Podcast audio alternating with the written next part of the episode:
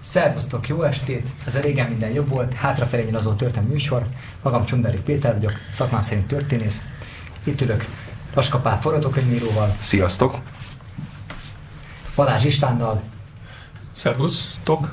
műsorunk ideológusával, hidegháborús héjájával, kedvenc teoretikusával, valamint visszatérő amerikai szakértőnkkel, Paranyi Tamással, a Magyar Külügyi Intézet igazgatóhelyettesével, Szervusztok, jó estét! és Romsics Gergővel, az ötös eh, Lóránt Kutatási Hálózat Történetudományi Intézetének tudományos főmunkatársával. Szervusztok! Jó estét kívánok!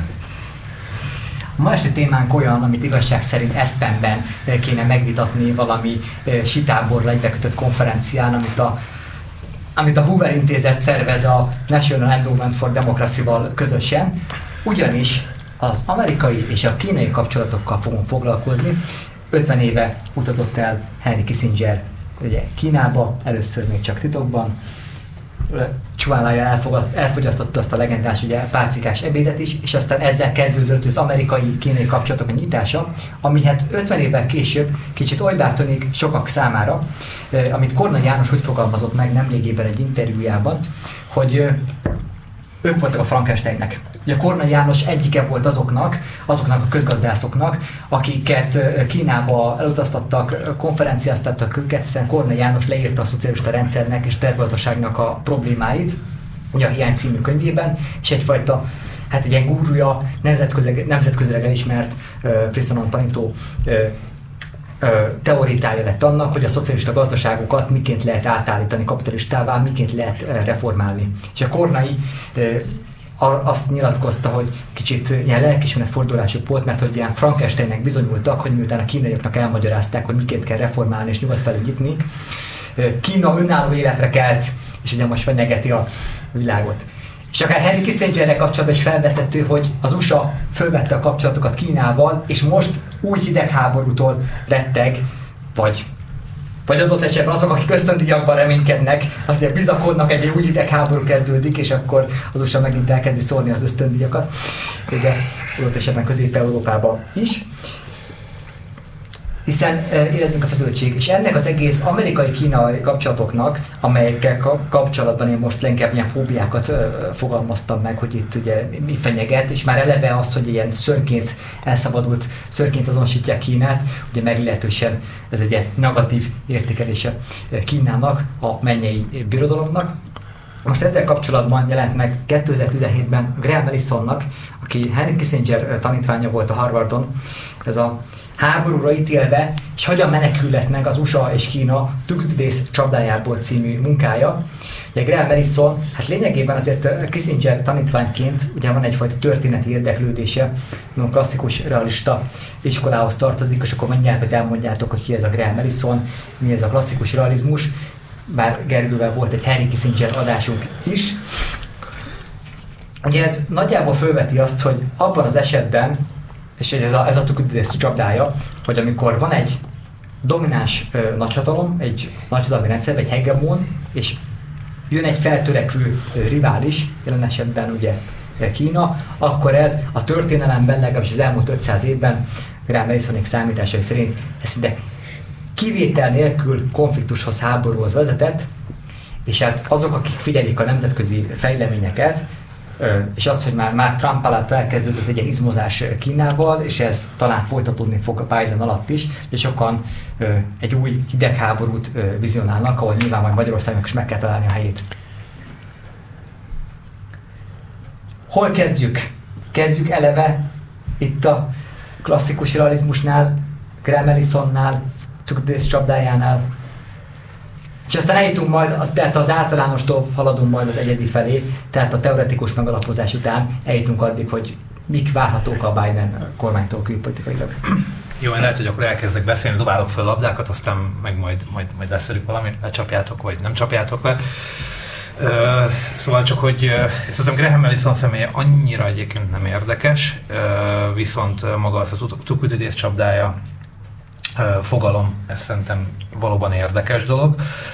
Viszont lehet is kritizálni, hogy a Tukudides csapdája az ugye arról szól, hogy ugye a háború van Spárta, amelyik domináns hatalom volt a hellászi városállamok között, érzékelte Atén felemelkedését, ugye a Déloszi Szövetség módszeres kizsákmányolása révén lényegében arra, arra kényszerült, hogy, hogy ezt a felemelkedést megállítsa. És ezt sokan egyrészt, szerintem ez egy kicsit leegyszerűsítő nézet azért a Peloponnészoszi háborúnak, de ez egy tipikusan nagyon rossz fej értelmiségi duma, gondolom. Viszont Viszont ez kétségkívül egy ilyen nagyon hatásos metaforája lett a felemelkedő hatalmaknak és a hegemon hatalmaknak, vagy a domináns hatalmaknak a játszmájára, akkor, amikor ez a bizonyos felemelkedés megtörténik.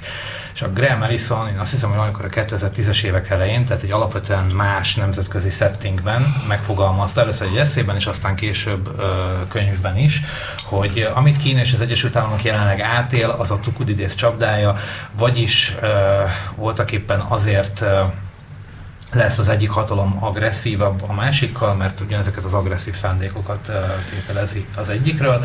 Tehát kicsit egyébként a, a nagyon klasszikus security dilemma mintájára, csak, csak ebben a tukudidészi példában, mert a tukudidészi példa az, az annyi plusz tesz bele ebbe, hogy ugye ez a, ez a már meglévő, ugye established hatalom és a felemelkedő hatalom, tehát a rising power közötti dinamikát vizsgálja, ugye a security dilemma meg az ugye bárkire vonatkozhat. Én szerintem ez egy, ez egy nagyon erős metafora, egy nagyon, egy nagyon jó pofakép. Nyilván sokat kritizálták ezt, és szerintem joggal, hogy azért azon teljesen fedi le a valóságot, de minden esetre ez az alapvető koncepció. Magában az, hogy a nemzetközi kapcsolatok kortás kutatói ókori történetírókat tanulmányoznak, hogy ez egy meghatározott iskola, ez a klasszikus realizmus, és vannak azok, akik van mély bölcsességet tulajdonítanak az ókori történetíróknak. De a Michael Oakeshott mondta azt, hogy száz oldal, de akár csak tíz oldal a Hérodotosz görög-perzsa háborújából, az sokkal több mindent elmond a, a háború vagy a történelem természetéről, mint mondjuk a kortás fintenkeknek a különböző szociálpszichológiai egyéb mindenféle elemzései a legkorszerűbb ö, ö, módszerek alapján, mert hogy valami ősi tudást feltételeznek, valami, valami bölcsességet, valami tapasztalatot a régiekben. És tényleg az a kérdés, hogy mennyire lehet használni egy ókori történetírónak a Krisztus 5. századi megfigyeléseit ö, napjainkra. Ez egy nagyon, nagyon jó kérdés. Hadd közelítsek hozzá oldalirányból.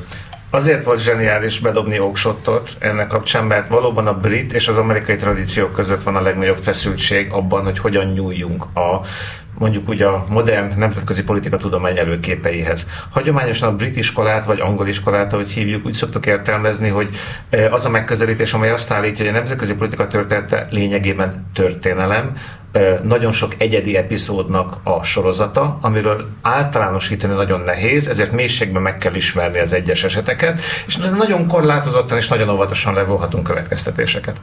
Az amerikai társadalomtudományos fejlődés útja ezzel pont ellentétes volt.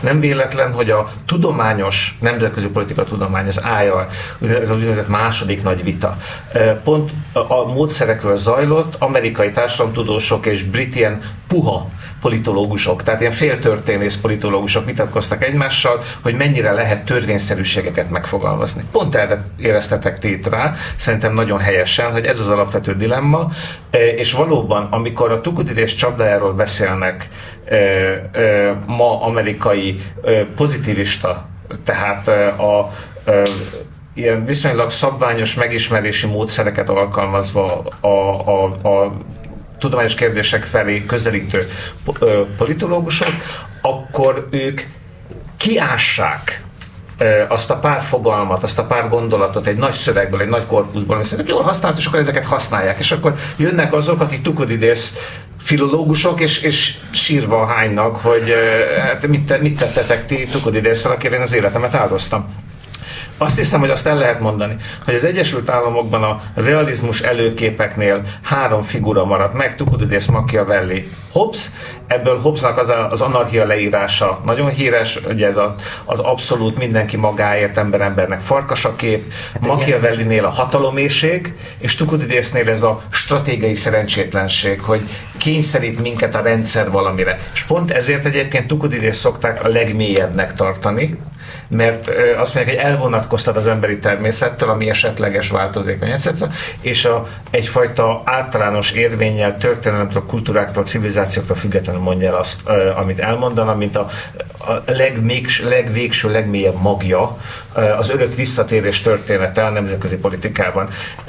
Hogy ez mennyire van így, és mennyire nem, arról szerintem ma még fogunk beszélni, csak azt szerettem volna megvilágítani, hogy pontosan valóban erről van szó, hogy nagyon nagy kultusza van Tukudidésznek az Egyesült Államok politikai gondolkodásában, de ez nem azt jelenti, hogy ha szabad ilyet mondani, hogy általában átolt szették elolvassák a Peloponnesoszi háborút, hanem megvannak annak a megfelelő szeletei, főleg kettő szelet. Ez a nyitó része, ahol kiderül az, hogy a, az aténi hatalom erősödése pánikot okoz Spártában, és ezzel megindul a spirál a háború fele, kölcsönös provokációk és bizalmatlanságok dinamikája. Ez az egyik dolog. A másik pedig nagyon híres a Méloszi dialógusról, az aténiak elmagyarázzák azt, hogy miért kell elpusztítaniuk azt a várost, aminek semmi esélye ellenállni, és azzal magyarázzák, hogy egyrészt példát kell statuálnunk, másrészt ha nem pusztítanánk el, akkor azt gondolnák, hogy gyengék vagyunk, hát ez a világ története, nekünk demonstrálni kell az erőnket, mélosziak porul jártatok. Tehát ez egy két olyan elemet vesznek ki belőle, ami nagyon fatalista, nagyon arról szól, hogy az ember kegyetlenségekre kényszerít a rendszer. Igaz-e ez? Ezt szerintem erről is kell ma beszélnünk, hogy mennyire, mennyire van előre megírva ezek a forgatókönyvek, az ilyen típusú hegemonikus átmenet forgatókönyvek. Itt egyébként, hogy a szembeállítjuk mondjuk, a, mondjuk ezt a Igazából itt a, mondjuk a konzervatívok és a liberálisok között egy, egy, egy jelentős ellentét van, hogy kikhez nyúlnak, mint ilyen filozófikus előképekként. Tehát a, a konzervatívok előszeretettel idéznek meg a felvilágosodás kora előtti gondolkodókat is hivatkoznak rájuk, Tügdészre, Machiavellére, Hobbesra, míg ugye mondjuk a liberálisok, azok meg mondjuk Kantra például és másokra. És itt ez az egyik, a másik pedig itt az antropológiai pessimizmus vagy, vagy optimizmus egy ilyen fontos dolog, tehát hogy az ember eredendően ugye rossz, és mondjuk az államnak, az intézményeknek kell kontrollat tartania egyébként az embereket, mondjuk egy, egy konzervatív, talán ha nagyon leegyszerűsítem, így gondolkodik, hogy a, a, a, a hagyomány, az intézmény, ez, közösség. a közösség, ezek mind arra valók, hogy az embert, mint egy ilyen állatot, vagy egy magasabb szintű állatot ilyen kontrollat tartsák, míg a, a liberálisok, vagy mondjuk úgy általában úgy a baloldaliak meg azt gondolják, hogy az ember alapvetően, az alapvetően jó. És, és a harmadik szembeállítás, ez a bizalmatlanság és a bizalomnak a kérdése, ami el is hangzott. Tehát ugye Francis Fukuyama, aki hát teljesen ilyen kantiánus figura, ugye ő egy egész könyvet írt arról, hogy a bizalom az, ami előre viszi az emberiséget, hogyha megbízunk egymásban, ugye a kooperáció. Míg Kissinger például és talán a tanítványoként Ellison is, meg ahogy a bizalmatlanságot helyezi alapvetően nem a, a történelem legfontosabb mozatóróinak egyikévé. Igen, pont Kissinger volt azért az, aki, aki nagyon kontraintuitív módon azon is tudott gondolkodni, hogy hogyan lesz több bizalom. Ő nem csak Kínába utazott, hogy a, a, a szovjeteken elverje a port, mert ugye ez egy zseniális offenzív lépés volt a részéről a szovjet-amerikai viszonyban. De ő volt azért ez is, aki ugyanebben a szovjet-amerikai viszonyban meg tudott arról állapodni, hogy repülhessünk be egymás légterébe, fényképezhessük egymásnak a, a interkontinentális rakétasilóit, és nagyon korlátozzuk a saját védelmi és elhárító képességünket. Ez volt az antiballisztikus rakétaszerződés, az elhárító rakéták korlátozásáról szóló szerződés. Ezek is Kissinger fejéből ö, ugrottak ki, és amit ő garantálni akart, az az, hogy ne kelljen egymásnak attól félni, tehát nekünk, mint szuperhatalmaknak ne kelljen egymástól olyan értelemben félni, hogy titokban egymás elpusztítására ö, törhetünk. Hogyan? Úgy, hogy több információt biztosítunk a másik számáról, hogy mit csinálunk, és ha ez nem lenne elég, kvázi garantáljuk a másiknak, hogy képes lehet ellencsapást indítani, tehát megsemmisíteni minket, még akkor is, hogyha agresszorként lépünk föl. Tehát ez meg bizalom, ez meg bizalomerősítő lépés, és Kissinger szerintem a dolog mind a két oldalát látta. Igen, én most hirtelen annyira nem is látom a bizalmatlanságot. Ez, hogy az kétségtelen, hogy nem ez a kanti értelemben vett boruljunk össze mm. egy nagy federációban, de, és akkor egy kicsit vissza is tekerem Kínához. Szerintem a Kissinger most már egy évtizede vagy több beszél mindig Kínáról, és fantasztikus fantasztikusan hosszú, és, és nagyon nyakatekerni.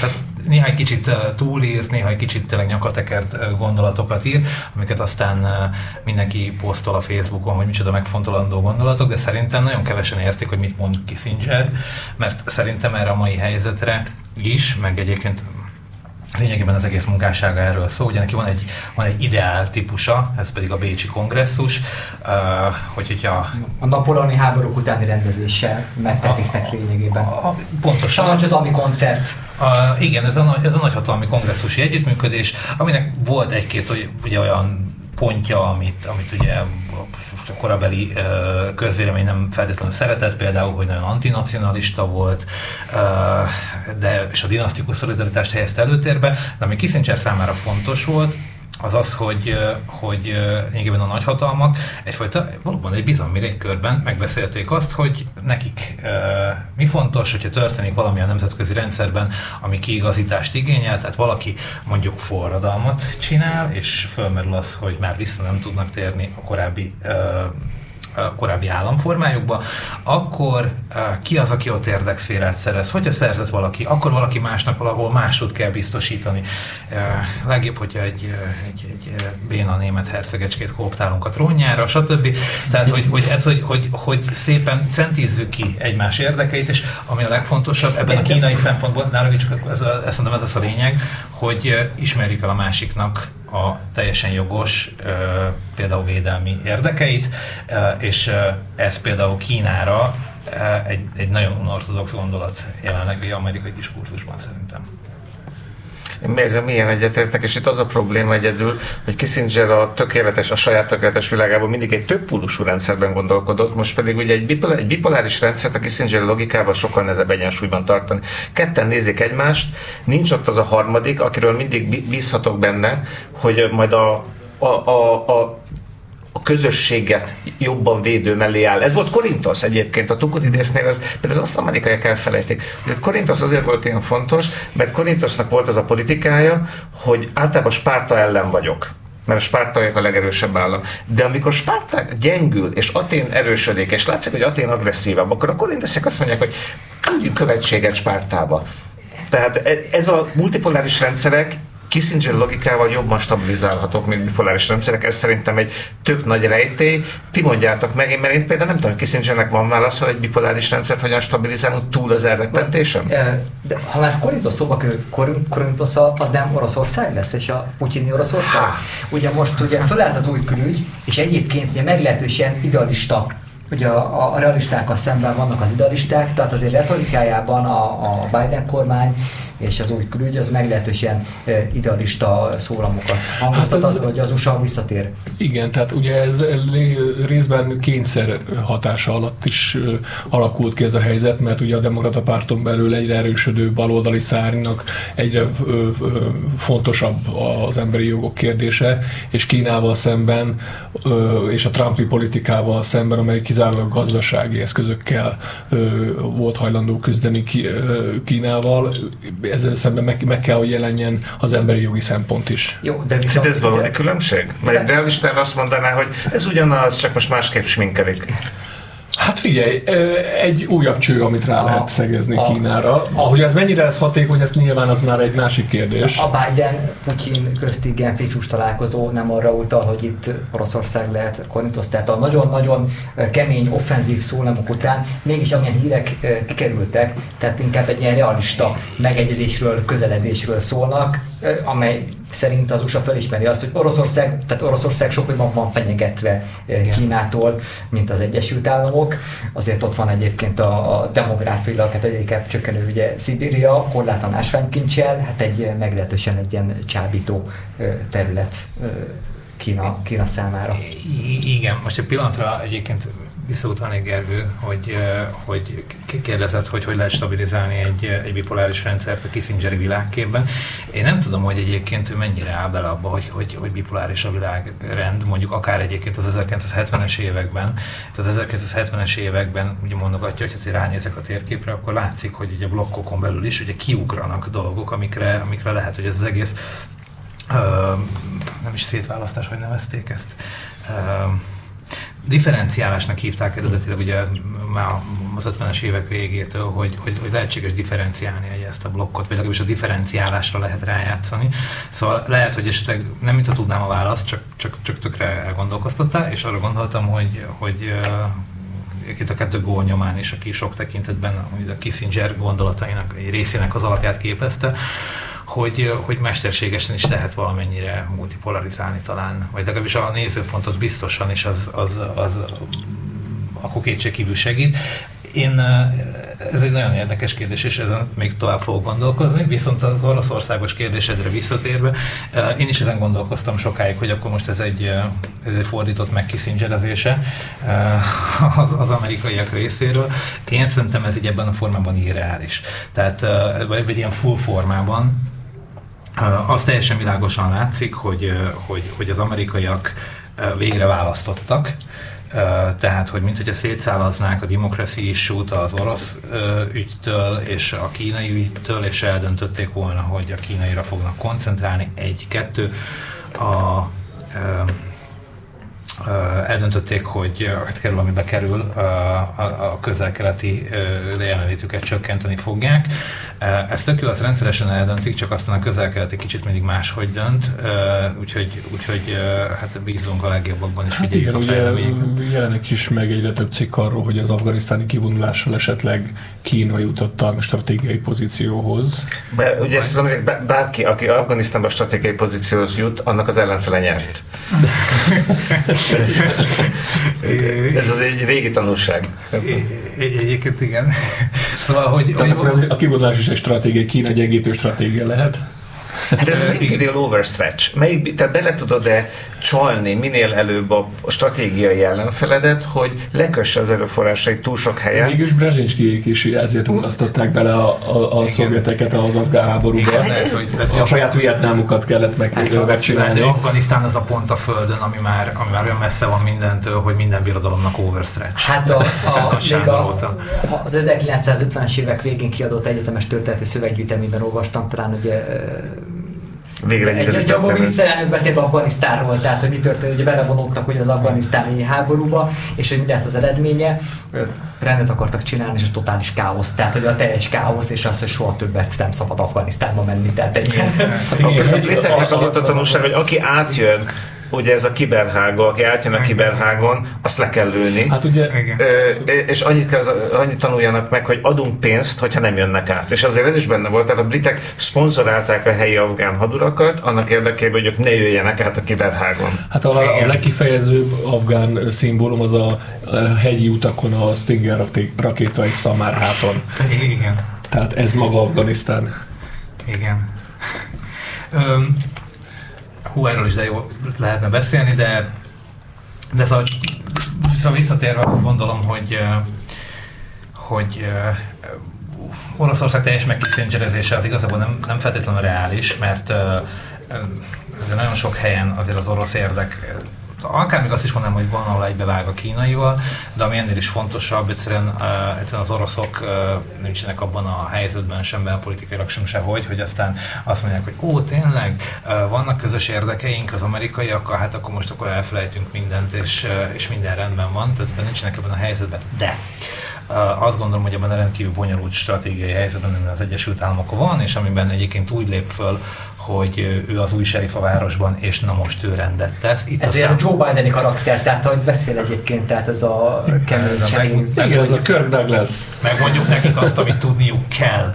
Tehát igen, kicsit így beszél. Tehát ebben, tehát ebben, a, ebben az összefüggésben, és ebben a igazából tök bonyolult stratégiai helyzetben, és egyébként csökkenő erőforrásokkal, uh, hát uh, egyrészt döntéseket kell hozni, és ugye a döntés az most, hogy Kína, Kína lesz a, a, a, a fő rivális, és szerintem, amit Oroszországban el akarnak érni, az hogy az orosz spoiler hatás csökkenjen.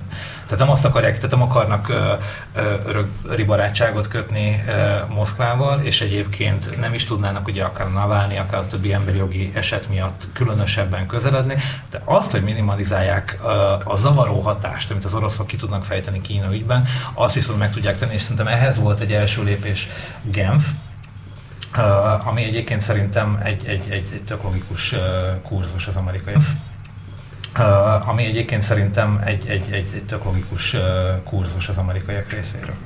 Illetve még egy olyan modernebb hogy mondjam, hadszintér is ö, bekerül ugye a számításba, hogy a, az államilag támogatott kibertámadások, azok elsősorban ugye orosz és kínai központból szoktak indulni, amik ö, olyan jellegű kárt tudnak okozni, mint mondjuk ö, egy évvel ezelőtt ugye a FireEye ügy, ahol deklaráltam, bár államilag sosem elismerve orosz hackerek ö, nyúltak bele mm, olyan főbb amerikai stratégiai ágazatokba, ahol nekik semmi keresni, való, keresni valójuk nem lett volna.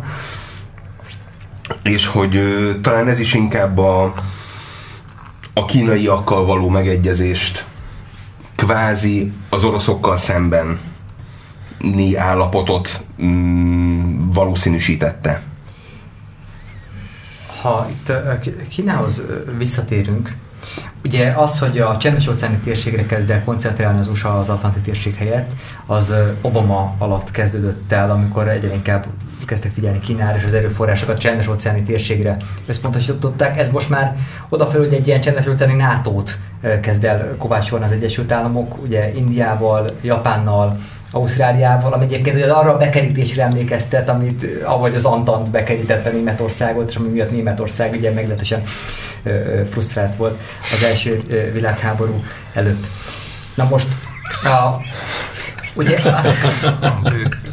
a, a, ez, a, ez hogy a tehát az Obama kormány volt az, ami ezek szerint azonosította Kínát, mint egy ilyen emelkedő nagyhatalomként, hogy már, már szuperhatalomként már ugye veszélyes lehet az Egyesült Államokra. Persze szimbolikus az, hogy pont a 2008-ban volt a Peking olimpia, ahol Kína megmutatta magát a világnak, tehát hogy az új erős szuperhatalomként a Clinton kormány ezzel szemben még a 90-es években, hogy az volt a módszer, hogy Kínát megpróbálják minél jobban integrálni a világgazdaságba, bevonni minél több nemzetközi intézménybe, minél több nemzetközi szervezetbe, egy ilyen partnerként kezeljék Kínát. Ez most egy ellentétes iskola, ugye, hogy ilyen hegeliánusként tekintünk rá. Tehát a, mondjuk a 90-es évek volt akkor a, a tézis. Tehát a Kissingertől Clintonig tart egy ilyen... De nem felejtsd el, hogy George Bush és Hucsinta gyakorlatilag randiztak. Tehát, hogy ez tovább tartott annál. Én azt mondanám, hogy ez legalábbis a Bush elnökségig tehát, hogy, hogy ez egy két évtizedről beszélsz valójában. Ami még durvábbá teszi. Tehát igazad van, stratégiailag egyetértek le, csak azt mondom, hogy ez még tovább tartott, függetlenül attól, hogy a Clinton az egy ilyen transnacionális intézményépítő volt, a Bush meg nem annyira. Ugye itt a fiatalabb Bushról beszélünk, és még ő is fenntartotta ezt a Kína politikát, és a Huval csomót randiztak, és nagyon jól megértették egymást. A kínai népviseletbe is beöltözött George W. Bush egyszer, ugye? Igen. Ugye hát az Obama kormány pedig azért is volt egy picit ilyen lekötelezett Kína fel, vagy nem volt, nem engedhetett meg magának ö, offenzív politikát, mert a két legfontosabb külpolitikai eredménye ugye a Párizsi klímaegyezmény és a végül ami nem jött létre a, a, ez a csendes óceáni szabadkereskedelmi övezet, ez kínai támogatással jött létre, vagy kínai pecsét rajta volt, és tulajdonképpen nem engedhette meg magát, a, magának az Obama kabinet, hogy, hogy Kínával nagyon perlekedjen. Fontosabb volt neki ez a két külpolitikai trófea, sem, mint hogy egy ö, politikába belebonyolódjon. Én szerintem... Um... És tök furcsa, hogy ugye Joe Biden a külügyi, kabin, a külügyi bizottságnak volt az elnöke, tehát ő, és ő most elnökként a prioritásokat kezdi egy picit megint a transatlanti irányba átrendezni. Igen, szerintem itt egyébként a a diszkontinuitások érdekesebbek Biden és Obama között szerintem, mint igen. a kontinuitások. Igen, igen, igen. És szerintem a személyi átfedések is egyébként szerintem tök érdekesek, mert nekem még sok... Ne rébuszokban szerinted milyen diszkontinuitás látsz, és akkor ez személyiségem múlik, vagy megváltozott a stratégiai helyzet körülöttük? Csak hogy tényleg... Hogy, hogy... Volt közben egy Trump kormányzás, ami elég radikálisan megváltoztatta a Kínához való viszonyt Aha. Tehát ott egy, itt egy abszolút ugye a, a vámfalaknak a fölépítése, ami egyébként adóászként is szolgálhat majd Biden kezébe, hogy cserébe a lebontásokért kérhet esetleg emberi jogi reformokat is Kínától, de ez már csak spekuláció része. Ez már, ez már maga a virzonizmus lenne. Tehát ez, hogyha, hogyha visszatérnek, Szerintem a személyügyi megfontolások is, is érdekesek. Azért a Biden csapatnak azért nagyon sok tagja azért B, B, C sorba volt szerintem kényszerítve az Obama adminisztráció alatt, és, és ez a ez a sértettségük, ez, ez akkor is látványos volt szerintem, és most is az. Bár nyilván ez nem egy ellenséges dolog, de azért látszik, hogy van egy, van egy, van egy bizonyos sértettség. Ezek nem ugyanazok az emberek. Ez az egyik. A másik, hogy a stratégiai környezet is alapvetően megváltozott nagyon érdekes, a Hoover Intézet csinált egy fölmérést egyébként arról, hogy akkor a Bidennek a bejövő kereskedelem politikai embereivel interjúzott arról, hogy olyan kérdéseket tettek fel, hogy a szabad kereskedelem filozófiájával ilyen és ilyen és ilyen pontokon 1-től 10-ig mennyire értenek egyet, és ez az átlag azért egy olyan 6 volt. Uh, még szerintem, hogy ez az Obama országban megcsinálták volna, akkor szerintem a 11 lett volna az átlag valószínűleg. Uh, de rájöttek arra is, hogy hogy, hogy, hogy ez a sajátos amerikai szabadkereskedelmi politika, ez, ennek igenis vannak vesztesei, akiknek nem szabadna többet elveszíteni a szavazatát, mint ahogy ugye 2016-ban sokuknak a szavazatát elvesztették, és ez például állítólag egy olyan dolog, amit a Biden adminisztráció emberei megtanultak. Tehát ez például egy ilyen diszkontinuitás szerintem mindenféleképpen. De egy, megint az, szerintem itt az a kérdés, hogy egy tukudidészi logikával, hogy nem az, amit tukudidész gondolt, mert azt nem tudjuk. De hogy ma amerikai egyetemeken tukudidészt tanítják abból mindez úgy, úgy értelmezhető, hogy ez azért történik, mert az Egyesült Államok gyengül, és most teljesen mindegy, hogy mitől válik protekcionistábbá, előbb vagy utóbb be fog következni egy olyan belpolitikai fordulat, ami protekcionistábbá teszi, mert minden gyengülő hatalom természetes módon előbb-utóbb elkezd protekcionista lenni. Tehát a, a, ahogy a Tukudidészt olvassák az amerikaiak ma, az arról szól, hogy eh, lehetnek kicsi eh, eltérések, devianciák, hogy mi hogyan következik be, de ha vannak ezek a nagy folyamatok, mint az Egyesült Államok relatív gyengülés a nemzetközi rendszerben, akkor elkerülhetetlenül ez a fajta sértődékeny, ingerlékeny, hanyatló hatalmi reflex meg fog jelenni. És hogy Trumpnál megjelent, és Biden se tudja annyira visszaforgatni. Először kereskedelmi háború, utána emberi jogok. De a lényeg az ugyanaz, és az a kérdés, hogy ezt a folyamatot mi elfogadjuk-e, azt látjuk-e, hogy ez egy irányba vezet, és, és akkor tényleg a nagy katasztrófát kell elhárítani, mert az a Graham Allison, akit említett Péter, ugye neki abból kiindulva, hogy talán a hallgatók nem feltétlenül olvasták. Annyit azért el szabad mondani, hogy a, a, túl azon, amit nagyon jól bemutattál, hogy ő azt állítja, hogy az elmúlt durván 350-400 év nagyhatalmi konfliktusainak ilyenfajta hegemonikus átmeneti feszültségek idején háború lett a vége, többségükben. Amellett azért ezt az egészet nyilván arra hegyezik ki, hogy akkor az Egyesült Államok és Kína viszonya mennyire tekinthető egy ö, hasonló forgatókönyvnek, és az a válasz, hogy egy az egybe, tehát innentől kezdve nem azon kell gondolkozni, hogy Kína betagozódik-e, vagy hogyan, hogyan tudnak meggyőzni Kína, hogy tagozzon be az amerikai rendszerbe, nem fog. Nem Ennyiben fog. itt van az, amit Tamás Kissingerről mondtál, és Ellisonnál is visszaköszön, hogy nem fog Kína sehova se tagozódni. Az a kérdés, hogy ezt a, a ugye ezt ők úgy hívják, hogy hegemonic transition, vagy power transition helyzet, tehát ez a hatalmi átmenet, amikor egy hanyatló hatalom és egy emelkedő hatalom találkozik a műtőasztalon,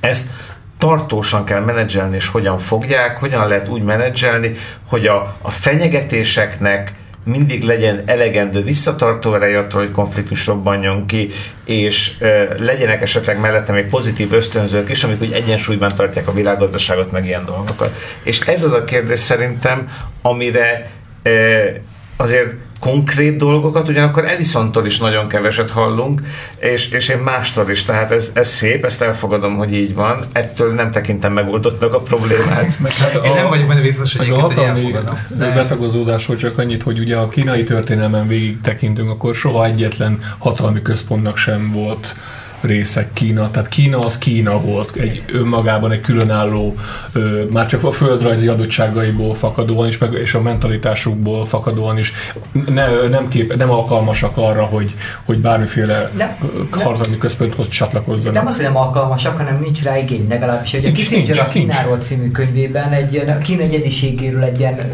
hosszú bevezető fejezetet szentel annak, ahol a kínai történelemtől kezdve egészen a góig és a gó összevetése a sakkal, az európai sakkal, hogy abból miféle nemzet karakterológiai következtetést lehet levonni. Ugye azt állítja, hogy a Kína ugye a mennyei birodalomként tekint magára, tehát, hogy azon túl ö, ö, nincsen, nincsen más, ami úgy igen, igen. érdekes És csak a, ugye a külpolitikai csak annyi, hogy a, a környező országokkal, akiket alacsony, magánál alacsonyabb rendűnek tart, azokkal valamiféle ö, ilyen csatlóség viszonyt ö, alakítson ki, hogy... És akkor ugye azt látjuk, hogy a kínai De nyilván aztán a történelemben jött el a kis A kínai történelemben akkor volt egyébként egy hódítási igény, amikor átmenetileg ugye a mongol dinasztia állt Kína élén, de hogy egyébként ugye ezeket a ki, tehát a, hát azért a, a, a hadinasztiát nem kellett attól félteni, hogy ne hódítson. Hát, jó, meg... Tehát... Csak már most azt szeretném föl, te hosszasan részletezhetnénk azt, hogy kínegyedisége, hogy a mennyi birodalom, hogy a Kissinger fölveti azt, hogy Kínában egészen a 19. század végéig, 20. század a külügyek fogalma nem létezett, mert hogy a mennyi birodalmon kívül nincsen más. Persze, de Európában se létezett. Ah, mert a Republika Tisztelnán kívül a hitetlenek voltak. Not real diplomacy, hogy akkoriban mondták. De a franciáknál azért talán, talán Japán volt az egyetlen ország, akikkel így tartósan konfliktusa volt Kínának. Ugye, és akkor ebből vezetik le, hogy akik tartanak Kínától, ugye azt mondják, hogy Kína párom azért, tehát ugye, amennyire vissza lehet számolni, ugye GDP-t, persze ez hipotetikus, hogy mekkora volt a GDP-je Kínának a 19. Hmm. században, nem tudjuk, de hogy csak volt egy ilyen száz év, amikor ez a megaláztatásnak az évszázada, de most ugye Kína visszanyerni a helyét a világ vezető hatalmaként, és a kínaiak is így gondolnak magukra, akik tartanak Kínától ebben az új hidegháború szituációban, ugye ezzel kapcsolatban erre érvelek. És én, én azért fölvetném, hogy amikor itt Kína, vagy Kissinger beszél egy ilyen kínai nemzet karakterről, egy kínai gondolkodásról, és a kínai tradíciókról és hagyományokról, én, én tényleg megkérdezném azt, hogy azért nem mindegy, hogy egy kínai gondolkodó a 20. század elején, vagy már egy teljesen globális, globális világban, tehát azért feltételezem, hogy akik ma a kínai külpolitikai gondolkodásban ott vannak, azért tehát ezek részben Harvardon megvégzett emberek nyugati ösztöndíjakat kaptak, tehát azért tehát már a, a különböző országoknak a biztonságpolitikai, nemzetközi kapcsolatokkal kapcsolatos gondolkodása is már azért így konvergál, és már egységesül. Tehát nem hiszem valóban úgy gondolnak még magukra, hogy úgy gondolhatnak még magukra, mint amennyi birodalom. Egyre inkább az, tehát a 21. században elsősorban a gazdasági folyamatok is szerintem olyan irányba ha, ha, fejlődnek, hogy a kínai, gond, a kínai stratégiai gondolkodást szolgálják. Ugye Kissinger a Kína, Kínáról című könyvében egy táblajátékon leírásán keresztül mutatja be, ez a Weiqi nevű játék, ugye a sakkal állítja párhuzamba, ugye az, az, a, a britekkel vívott ópiumháború alatt a sakk ugye a királyok játéka, a sakk ö, ö, szabályai szerint ö, ö, vívódott, tehát ö, frontális támadás a, az ellens, a cél az ellenség erőforrásainak a fölmorzsolása, és természetes, hogy ezt, ö, ezt a ezt a meccset a, a britek nyerték meg, viszont a 21. században a, egyre inkább a folyamatok a Weiqi azaz a, a, ezek, ennek a jellegzetes kínai játéknak a szabályai szerint alakulnak, tehát a bekerítéses, tehát a passzív mezők elfoglalásával az ellenség bekerítése a cél, és ezt a, ezt a játékot a kínaiak játszák jobban. Csak az a kérdés, hogy a 21. században a, akik tanulnak nemzetközi kapcsolatokat, azok szerintem talán már se nem sakkoznak, se nem vejkiznek, hanem nem tudom én a számítógépes játékokon. Ez nyilván csak egy hasonlat. De hogy, tehát, hogy megvilágító hasonlatnak tűnik, csak az a kérdés, hogy... Szerintem nagyon, nagyon, ez egy nagyon érdekes kérdés, és pont itt azt hiszem, hogy van egy ilyen probléma, hogy eh, a kína szakértők néha nagyon bele tudnak mászni abba, hogy mi a eh, egyik vagy másik kínai elmélet.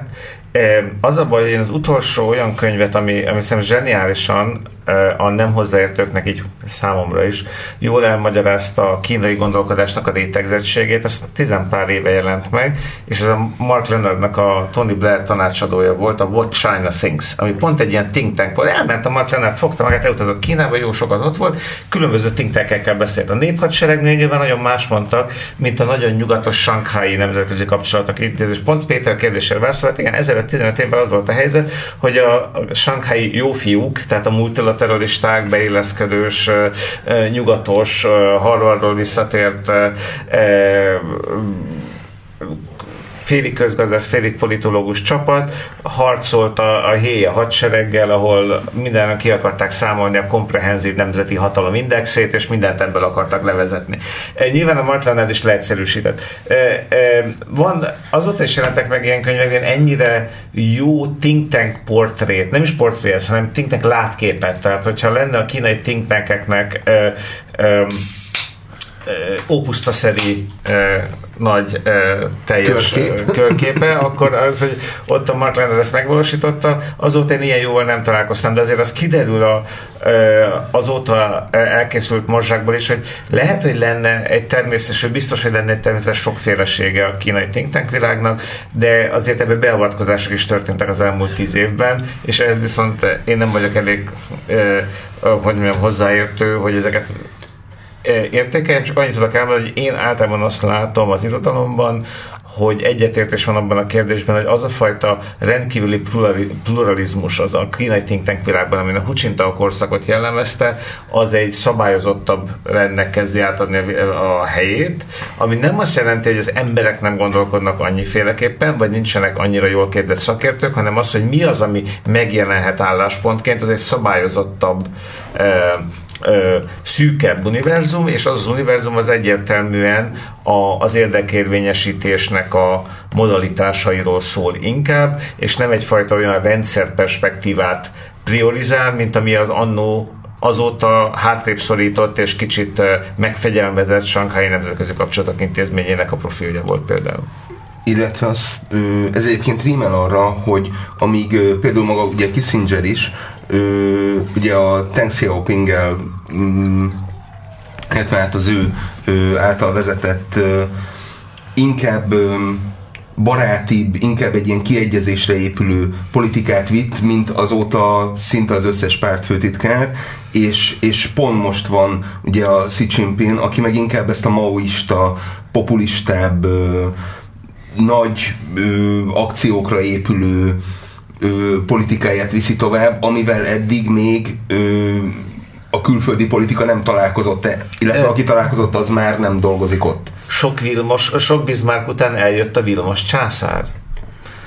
Mert ugye a német politikában a Bismarck, aki tudja, hogy túlnyertük magunkat, tehát így a, a mi dolgunk az, hogy minden, de bármit, mielőtt bármit mondok ezen túl a nemzetközi kongresszuson, először azt fogom mondani, hogy mi már nem akarunk többet, köszönjük szépen. Ugye Bismarcknak ez a 1871 utáni logikája, és akkor így tud csinálni, így fel tud lépni viszont a, egy kicsit a britekkel együtt ilyen bíró szerepben, ami hallatlan, hogy a briteken kívül más is bíró lehessen, mert hogy annyira jól mondja, hogy én már elégedett vagyok. Németország egy telített ország. De akkor, akkor ez történik, hogy a sok Bismarck, tehát a, a, a felemelkedő Kína bizmárkjai után jön egy felelőtlen, hatalom éhes és a saját népszerűségét is a különböző külpolitikai akciókkal felturbózni kívánó második Vilmos, aki majd kirobbantja a második, vagy, vagy én, első világháborút. Én nem feltétlenül állítom ezt, de azt viszont igen, hogy az amerikai részről láthatják benne ezt. Ugye, és hogyha a Vilmosi Németországnak ugye a marxista ellenzéséből indulunk ki, hogy ott lényegében azt történik, hogy a növekedésnek a, a belső forrásai ugye kimerülnek a 19. század végére, és akkor jaj. egy ilyen De azért ezt nem hiszük el. Tehát jaj, jaj, akkor, akkor, akkor 45 jaj. után nem lett volna Deutsche Swiss se Sunder. Tehát, hogy az, de itt de ezek Togó kolonizációja, az már az, az imperializmus végső, végső, tehát túl, az, azzal nyert, Togóval nyerték munkat túl. Nem, nem, egyáltalán nem, nem, nem, nem, nem, nem, Falkland-szigetekkel. Págó, págó, azt mondom, hogy Págó, págó. De ugye a világ egyik legjobb üdítőitel ott készül. Ha az ember vagy Horvátországban van banános, meg epres págó. De, de hadd kérdezzem meg, mert, mert, mert, mert, hogy ezt nem tudom mennyien tudjátok, de Tamás a valószínűleg Magyarországon a legtöbbet tudja a német felemelkedéssel szembeni brit ellentartás politikájáról, Tudom, illetve persze annak a kezdeteiről. Mindig, mindig, mindig az Eichrót szokták idézni. Ugye Igen. ezek kapcsolatban az Eichrónak a. Ez mit mondom, De hogy- mintázat de-. És ez, ez azért a- fontos szerintem, mert ugye amikor az USA és Kína konfliktusát próbálják értelmezni, és előképeket keresnek, akkor itt Nagy-Britannia és Németország első világháború előtti ö, párviadalát szokták idézni. Ez visszatérő Igen, mintázatem, tehát ugye a német újraegyesítés előtt Margaret Thatcher nem, nem győzött Moszkvába járni, hogy megakadályozza.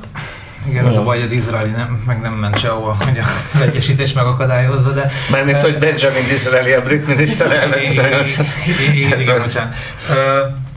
Világos, én, én szerintem egyébként, én szerintem ez nagyon vonzó, meg ez, ezt sokan mondják ezt a dolgot, hogy ja, igen, a felemelkedő Németország, vagy a felemelkedő Japán, és ez a konfliktus elkerülhetetlen, de én azt gondolom, hogy alapvetően az a kínai-amerikai jelentét nem, nem, nem ezekre hasonlít. Mi a különbség? Az, ö, szerintem van egy sor különbség, ö, és például az egyik ö, nagyon fontos, az az, hogy teljesen más a közeg, és ö, az amerikaiak és a kínaiak nagyon erősen egymásra vannak utalva. Ö, Én szerintem az Ellison alapvetően téved azzal, amikor párhuzamokat keres, és például Németországot találja meg, viszont nagy power transitionként nem azonosítja a brit-amerikai power transition. Azonosítja, és azt mondja, hogy ez egy no war outcome. I- Jó, igen, valóban csak azt mondja, igen, outlier készként azonosítja, de szerintem igazából ez bizonyos értelemben szerintem relevánsabb. Azt gondolom, hogy a, hogy a hadviselés természete is alapvetően megváltozott.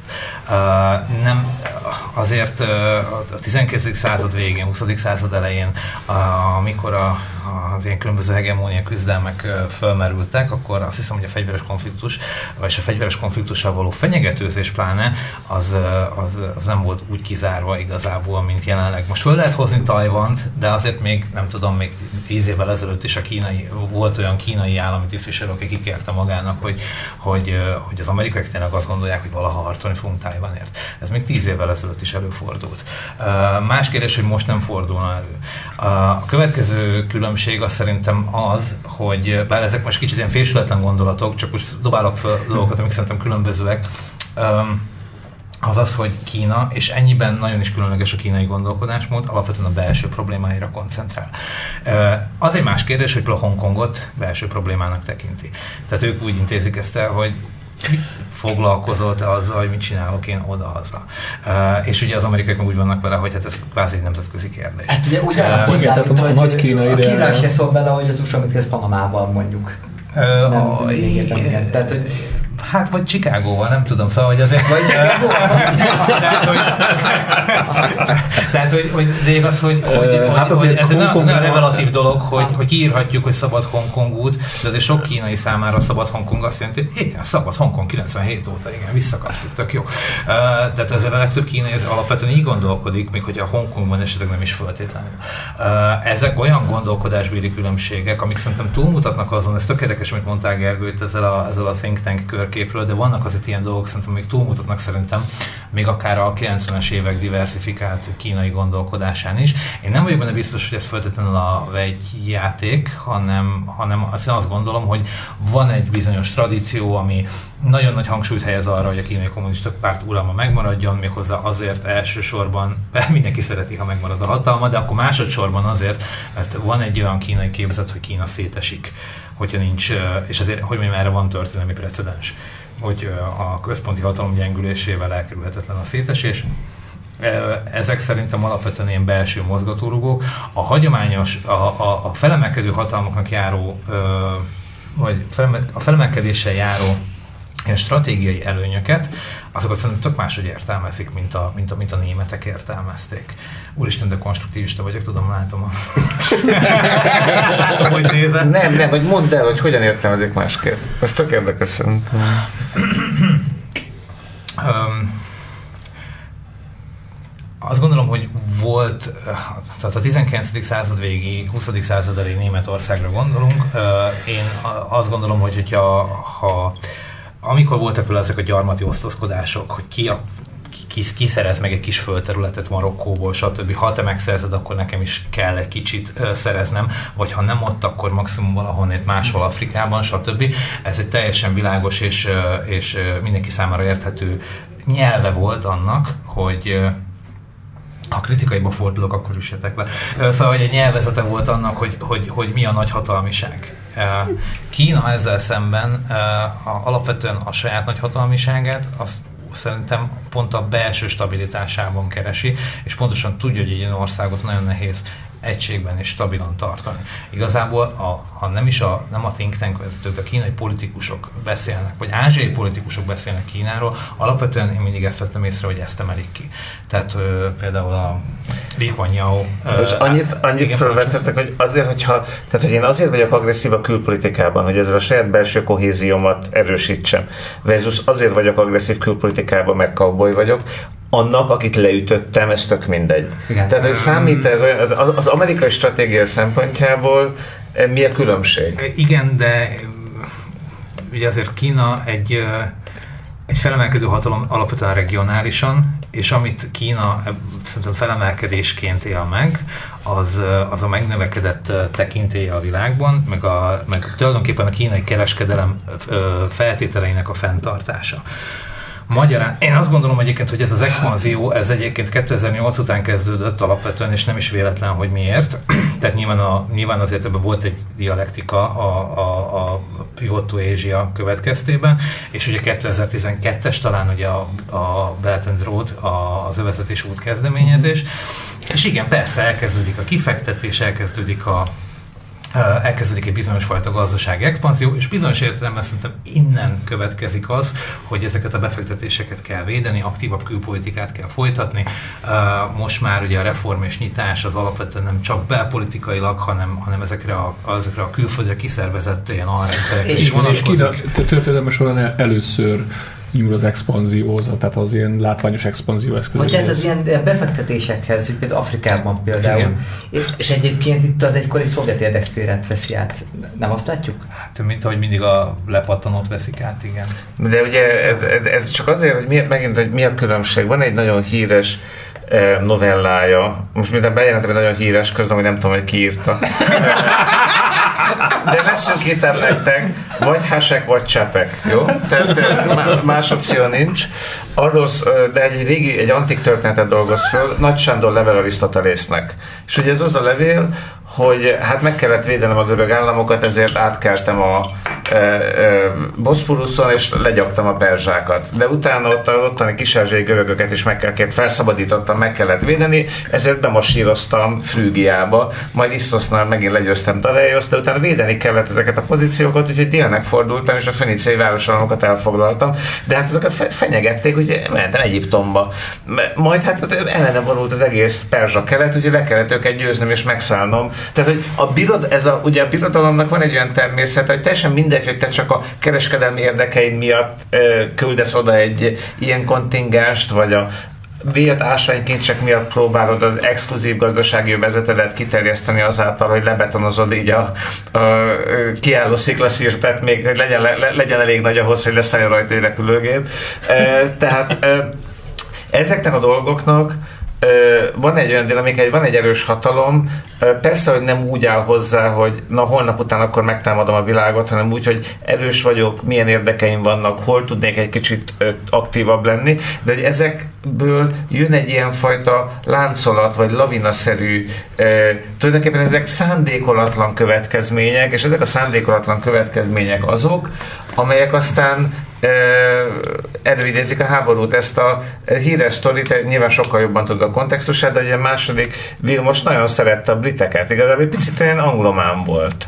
És azt gondolta, hogy a, a, a, a brit és a német az a két nemzet, ami igazán hivatott arra, hogy a világot vezesse. Ehhez képest néhány évvel később első világháború, eresszük rájuk a mustárgázt. Tehát do, do, dolgok eszkalálódnak. Jó, igen, tök jó ez a híres novella, majd A, a, a, a, a, a, amúgy Csapek, tehát hogy neki Csapek. volt egy ilyen ókori görög ciklusa.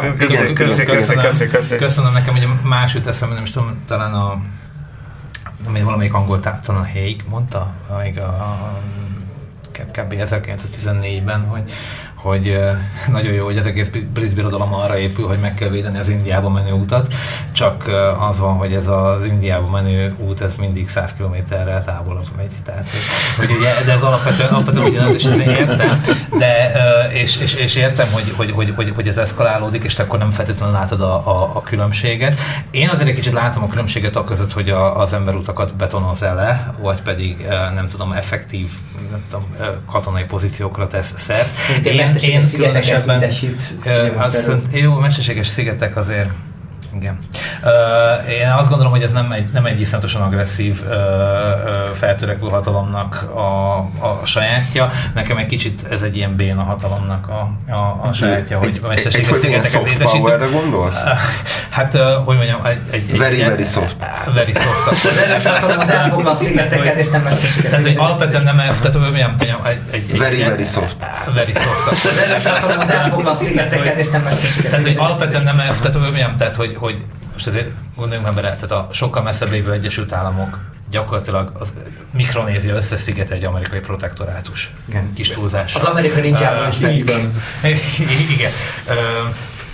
És ugye, ugye, ugye, ugye a kínaiak érvelése, mi szerint, hát de kérem szépen, hát az amerikaiak, akik itt sincsenek, elvileg, mégiscsak, mégiscsak itt vannak az összes szigeten, meg, meg Okinaván, meg ilyesmi, és most komolyan, hogy nem lehet szigeteket ha birtokba venni, amik egyébként ugye a ö, császárok idejében rajta voltak valami jegyzéken, meg valami térképen, szóval, hogy végül is miért ne.